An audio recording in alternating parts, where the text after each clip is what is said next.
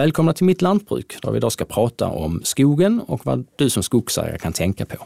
Jag heter Peter Birk Jensen och är lantbruksspecialist på Länsförsäkringar Skåne. Med mig på telefon har jag idag Henrik Holmberg på Södra Skogsägarna och Karl-Henrik Albeck hos oss på Länsförsäkringar Skåne. Välkomna båda två. Tackar Eh, jag tänkte att vi först ska reda ut vilken skada den här lilla granbarkborren gör på våra skogar. Vad säger du Henrik? Har du någonting bra att säga om detta? Ja, granbarkborren är ju en insekt som finns i vårt skogslandskap hela tiden. Eh, men den har ju en otrolig förmåga att eh, växla upp i antal när vi drabbas av någon form av torkskada eller vindfällen och så vidare. Och i samband med den här typen av skador så riskerar det också då att bli så många så att den angriper stående skog och, och frisk skog. Och det är väl egentligen då vi upplever att den gör någon riktig skada i skogslandskapet. Så den har ju alltid funnits hos, hos oss. Jag tycker tidigare, nu är ingen jag skogsmänniska ska jag villigt erkänna, men eh, tidigare så har man ju, har jag, jag har aldrig hört talas om det utom att sista åren varit otroligt fokus. Eller det, det, det kommer i cykler som allt annat alltså. Ja, det går lite upp och ner, men ofta har det ju någon koppling som jag sa till att det har varit eh, skador i form av vind, eh, där de då förökar sig väldigt mycket i den vindfällda skogen, eller att vi har haft torra somrar. Början på 90-talet var en sån, eh, några år, 92, 93, där vi hade torra somrar och då hade vi ganska mycket skador på stående skog åren efter det då. Eh, och eh, det är väl lite det vi ser här nu då efter den här torrsommaren 2018 som egentligen är rotorsaken denna gången till att vi har så mycket skador på stående skog och har haft både 2018 och 2019.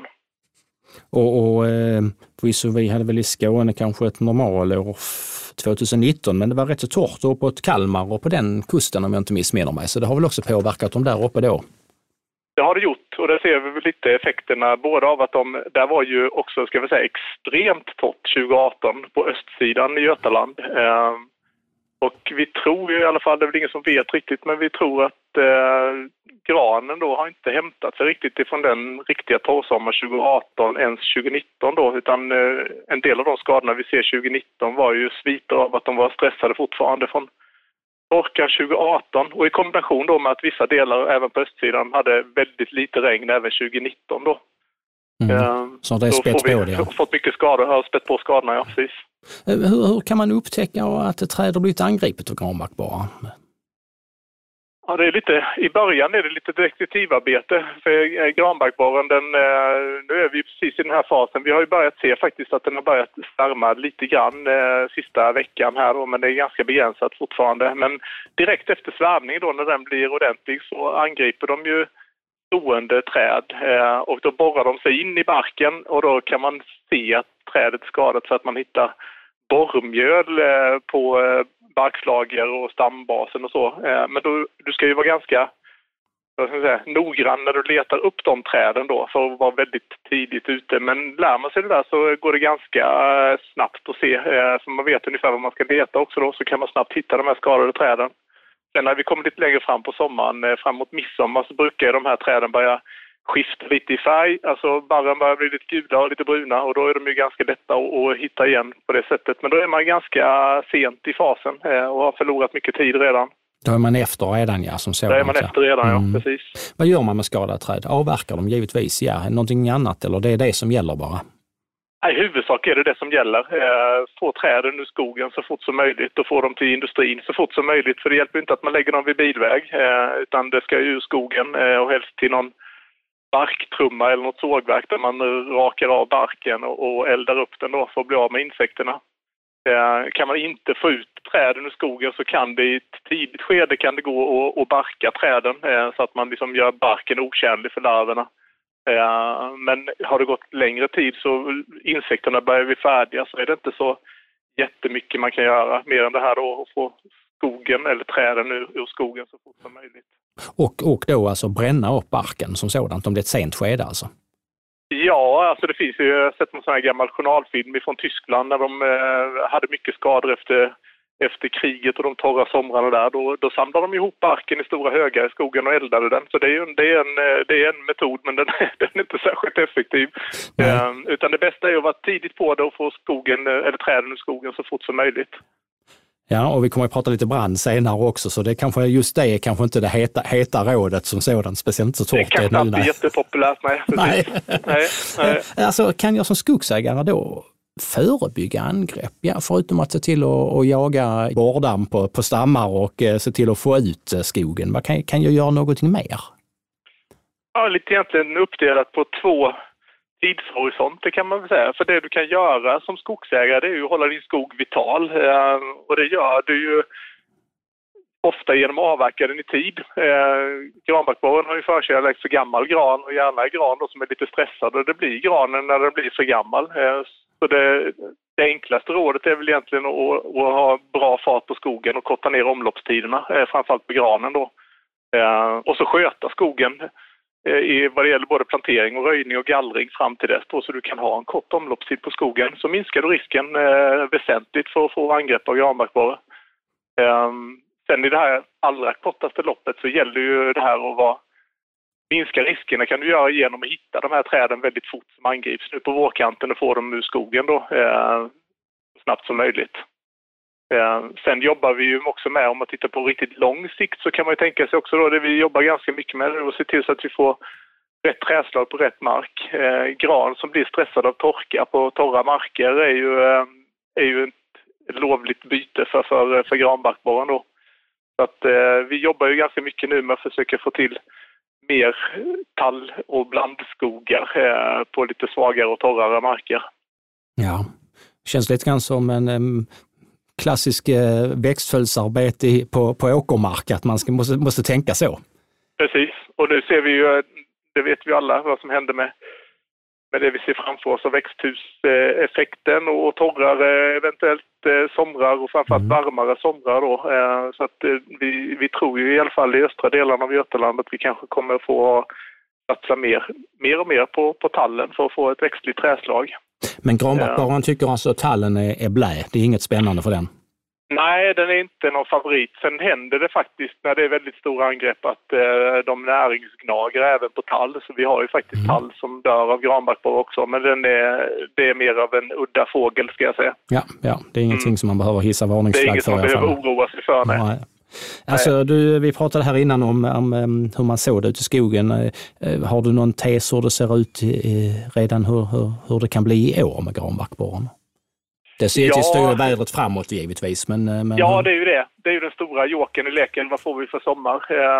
Men det finns ju lite prognoser eller scenarier kallar man det kanske hellre från de som har lämnat dem och de är gjorda från, från eh, Martin Skröder på SLU och även Gunnar Isaksson på Skogsstyrelsen.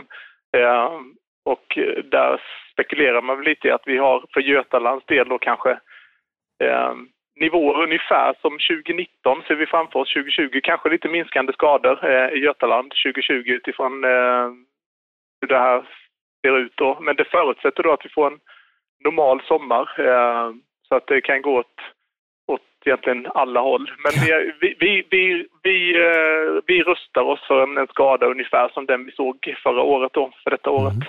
Ja, ehm, jag läste i ATL att det fanns bra granbarkborrehundar som söker och markerar träd med, gran, med, med granbarkborre. Är det en väg fram?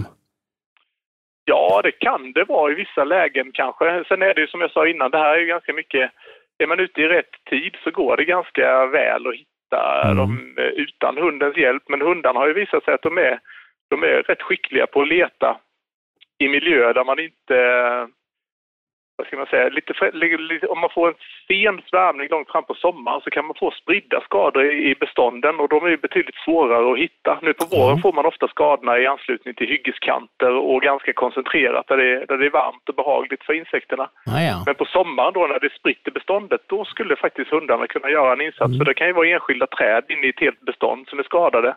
Ja, som de kan markera och som man vill ha undan så att man inte får en smitthärd därifrån till precis, nästa år. Ja. Precis, mm, mm. Då kan man vara snabbt och identifiera mm. dem så, så skulle det kunna vara någonting som effekt. Sen är det det att man behöver då eh, det här är någonting som pågår under ganska lång tid och ska man vara effektiv i detta så behöver man ha hunden där i alla fall en gång i veckan. Ah, ja, ja, jo, det förstås, ja.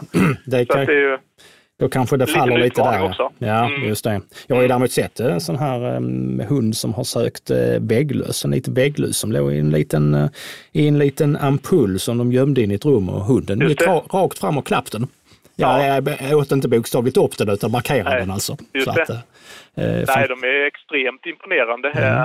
så att, och det fungerar. Det är att man ska få uthålligheten, för hunden ska ju orka med ganska mycket då ja. och sen så, eh, så är det, behöver man vara uthållig också som, som eh, köpare av tjänsten kan man säga, om man ska få det. detta att funka. Exakt, ja. som sådant. Ju så att, eh, både hunden och ja. föraren ska ju ha liksom sin betalning under tiden. Det Precis. Går, ja, så Precis. Om jag går av Karl-Henrik, du som arbetar med skogs och lantbruksförsäkringar här på Länsförsäkringar Skåne, hur, hur kan vi hjälpa skogsägare mot granbarkborren? Ja, Länsförsäkringar erbjuder eh, skogsägare olika försäkringslösningar som ersätter vid ansvar, rättsskydd och brandskador.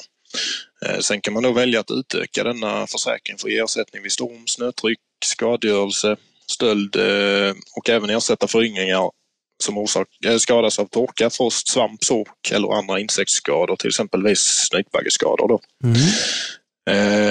För våra skogsägare som har mindre än 75 hektar skog så erbjuder vi en lösning som ger ersättning också vid eh, granbarkborrskador. Mm. Men då är det de mindre och medelstora skogsägarna då som den riktar sig till? Ja, ja. precis. Ja, det är en ren riskspridningssak gissar jag mig till. Det stämmer. Ja. Karl-Henrik, ser du, ser du många kunder som har problem med granbarkborren? Är det mycket diskussion om det? Ja, problemen finns ju såklart, men min uppfattning är att i Skåne har våra kunder klarat sig relativt bra hittills. Mm. Eh, Troligtvis är det tack vare aktiva skogsägare som på egen hand eller med hjälp av skogliga aktörer har upptäckt angreppen i tid eh, och på så sätt kunnat begränsa skadorna genom att plocka ut träden i, i bra tid som Henrik var inne på här. Ja. Eh, så här vill jag ju passa på att uppmana alla skogsägare att fortsätta vara aktiva i sin skog och vara ute och gå och ta promenader. Ja, det är det som gäller att vara ute och titta, precis som man är ute och letar, letar svamp och annat i, i, i vetet så är det det här som gäller här. Ju. Så att, eh, eh vi går mot varmare temperaturer och mm, finns det en större risk för bränder var skogar också givetvis. Eh, hur kan man förebygga det Karl-Henrik? Har du någon, något bra tips där? Ja, det finns en app som eh, Myndigheten för samhällsskydd och beredskap har eh, tagit fram som heter Brandrisk ute. Här kan man få ganska utifrån sin egen position då för att se hur stor risken är för gräsbrand och skogsbrand i det området man befinner sig i. Eh, man får då en fingervisning på hur försiktig man behöver vara. Eh, och eh, sen ska man ju förstås undvika att elda eller grilla i skogen och särskilt om det är blåsigt för då kan branden sprida sig enklare. Mm. Har man ett pågående arbete i skogen så bör man vara extra uppmärksam och kanske ta med släckutrustning. Mm. På traktorer och skogsmaskiner ska man eh, bryta huvudströmbrytaren när man lämnar maskinen. Och sen ska man också tänka på tillfartsvägarna så att de är framkomliga. Jag som parkerar en bil till exempel kan ha för vana att parkera vid sidan av vägen och inte mitt uppe på, även om det är min egen bil och min egen väg. En annan bra grej är att ha koordinater till det område som eh, man arbetar i. Eh, och då kan man uppge dessa om man måste larma räddningstjänsten. Eh, har man inte koordinator så finns det en app som är bra där också som heter SOS Alarm. I den appen så kan man skicka positioner till SOS när man larmar eh, och då vet SOS när man ringer vart man befinner sig. Mm. Men den, måste man, eh, måste, den fanns i appen sa du ja? ja precis, ja, den måste man ladda ner då. Just det. Mm. Och, och, och akt, aktivt göra det så att de kan inte, inte söka ut det med hjälp av ditt mobilnummer utan du måste aktivt göra det själv. Ja, ja. precis. Tänker man sen eh, brandrisk ur ett långsiktigt perspektiv så eh, kan man planera sin skogsfastighet för att begränsa spridningen eh, genom att ha till exempel lövinslag och lövridåer. Mm. Eller kanske anlägga en damm eller våtmark där det kan vara lämpligt. Mm, som typ en annan typ av brandgata då alltså? Ja, mm. precis. Länsläkaren, vi har ju, har ju brand i, i vår skogsförsäkring också. Hur, hur fungerar den, Karl-Henrik? Ja, grundnivån på skogsförsäkring är då brandskyddet och då värderar vi skadan utifrån en beräkning på förlorat värde i form mm. av virkesförluster, fördyrad avverkning och eh, till viss del även föryngringskostnaden. Mm. Sen täcker ju brandförsäkringen också skäliga kostnader för eftersläckning. Eh, men då förutsätts det att eh, kostnaden ska stämmas av med försäkringsbolaget innan. Ja. Vi har ju, kan ju ha impedimentinslag i, i vår skog. Tar, tar vi och tar eh, försäkringen och går in och hjälper med, med brandvakter och brandskydd där också? Det ingår i skogsförsäkringen det också. Eh, Henrik, eh, vad tänker, har du något att tillägga om eh, risken kring bränder och var skogar och hur man ska förebygga? Ja, alltså jag tänker förebyggande, det, det är återigen i två, i två tidsaspekter. Det här, vi jobbar väldigt mycket med förebyggande, men då är det ju framförallt kring att vi gör åtgärderna. Vi har idag regelmässigt när vi har eh, brandrisk eh, över fyra så har vi det vi kallar samråd, alltså våra entreprenörer eh, har samråd med oss kring vilka åtgärder man ska göra. Om vi ska liksom jobba med brandvakt eller om man tar banden på maskinerna till exempel eller om man har extra släckutrustning på maskinerna och så vidare. Så det finns ett ganska gediget brandskyddsarbete idag som egentligen tog sin fart kan man väl säga efter den här branden uppe i Sala. Det var mycket som, som ramlade på plats då i många skogsföretag tror jag. Eh, eh, sen i den här långsiktiga, om man nu pratar om man skulle anpassa sitt skogsbrukande till, till brand så finns det lite för dåliga liksom Eh, eh det finns för lite forskning i frågan eller för lite svar så att vi har idag inte någonting att, att vila oss mot om vi skulle ge några rekommendationer kring vad det är för typ av skog som skulle vara mindre brandbenägen än något annat. Eh, så att eh, där har vi egentligen inga, inga rekommendationer att, att ge i dagsläget. Nej, där har vi inte så långt komna ännu. Så att, nej, nej. nej. Karl-Henrik, har du någonting att tillägga där? Eller? Nej, jag instämmer med Henrik där. Eh, sen kan man ju trycka på det här med att promenera i skogen även för att upptäcka bränder. Mm. Eh, det är aldrig fel att vara ute i skogen. Nej, jag såg också att eh, flygklubben i Höga, Höganäs skulle väl igång med, med brandflyg nu. Det är torrt ute som sagt. Vi befinner oss i en coronakris för ögonblicket eh, på grund av det här coronaviruset. Kan, kan vi se redan nu om det påverkar skogens marknad eller är det stora problemet för personal till plantning? Vad säger du Henrik? Lite olika kring det här med personal och plantering för vi upplever nog i Sydsverige att vi har klarat oss eh, väldigt bra. Vi var igång väldigt tidigt med vår planteringssäsong i år eftersom vi inte haft någon vinter så drog den igång nästan en månad tidigare än vad den brukar göra. Eh, och vi hade väldigt mycket personal på plats redan innan det blev mycket av de här eh, begränsningarna och stoppen. Ehm, så att för vår del så har vi klarat oss väldigt bra. Det ser värre ut om man kommer längre norrut i landet. Jag har haft kontakt med lite skogsbolag idag i andra ärenden och där har man eh, lite bekymmer eh, med personal kring planteringar. Mm. Kunde vi få ut någonting? Det var ju vått så det visslade om det i vintras, kan man inte tro nu när man tittar ut. Men i vintras var det vått eh, ute i skogen eller överallt i Skåne. Gick det att ja. köra ut, skota ut överhuvudtaget? Ja, det har gått bra faktiskt. Mm. Vi har haft, och det har väl nog många, och det, det är ju lite, lite effekten av granbarkborren också. Vi har haft ett väldigt bra rotlager och det har gjort att vi har kunnat välja trakter eh, under hela vintern faktiskt för att vara på de bärigaste ställena. Så att det, har, det har fungerat faktiskt över förväntan eh, i vinter. Eh, och det här att vi inte hade någon riktig, riktig vinter med en efterföljande tjällossning då har ju också gjort att eh, transporterna var effektiva under, under vårsäsongen här så att eh, det har gått väldigt bra eh, att få ut virket under vintern. Ja, perfektament ju. Tillbaka till coronakrisen och marknaden. Eh, går det trots de här osäkerheterna eh, med just coronan och se vad som kommer att efterfrågas för marknaden? Eller vad är det som är det mest intressanta nu? Ja, nu jobbar jag inte jättemycket med de frågorna, men om jag ska bara ta det som jag hör i korridorerna här så är det ju eh, den såg, sågad vara, alltså den marknaden är ju eh, rätt så plågad eh, av corona för tillfället. Eh, och det beror lite på, det varierar lite från företag till företag beroende på var man har sin, sin marknad. Eh, vi ser ju typ att eh, brittiska öarna som är en av våra huvudmarknader har ju stängt ner ganska mycket. Och det får ju konsekvenser omgående kan man säga i sågverksindustrin. Mm, det går snabbt ja. Ja, det gör det. Däremot så fungerar ju svenska marknaden fortfarande väldigt bra och det är också en av våra stora marknader så det snurrar ju på ganska bra.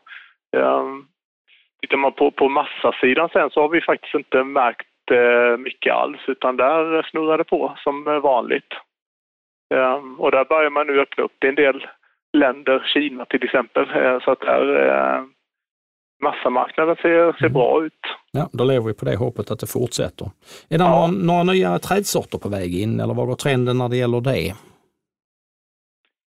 Nej, det kan man inte säga egentligen. Eh, vi jobbar ju alltid lite med de här främmande träslagen och exoterna för att se vad vi hittar för någonting där. Eh, men det är ingenting som är något eh, stort och något nytt där. Det vi jobbar med väldigt aktivt nu är det vi jag var inne på lite tidigare kring det här med rätt träslag på rätt plats och öka andelen tall helt enkelt mm. på våra mellanmarker och lite svagare marker. För vi tror att det är träslag som i framtiden kommer klara de här torkan bättre. Ja, mer blandskog och rätt trädslag på rätt mark som så. Just det. Ja. Just det. Karl-Henrik, du som är ung, jag vet inte hur, hur gammal Henrik är om jag ska vara helt uppriktig, men eh, Karl-Henrik, du som är ung här, om du hade startat upp idag med skog, vad hade du satsat på? Ja, ser man rent ekonomiskt så är ju granskog det mest lönsamma träslaget idag, men eh, precis som vi har varit inne på tidigare så gäller det att ha rätt träslag till rätt mark.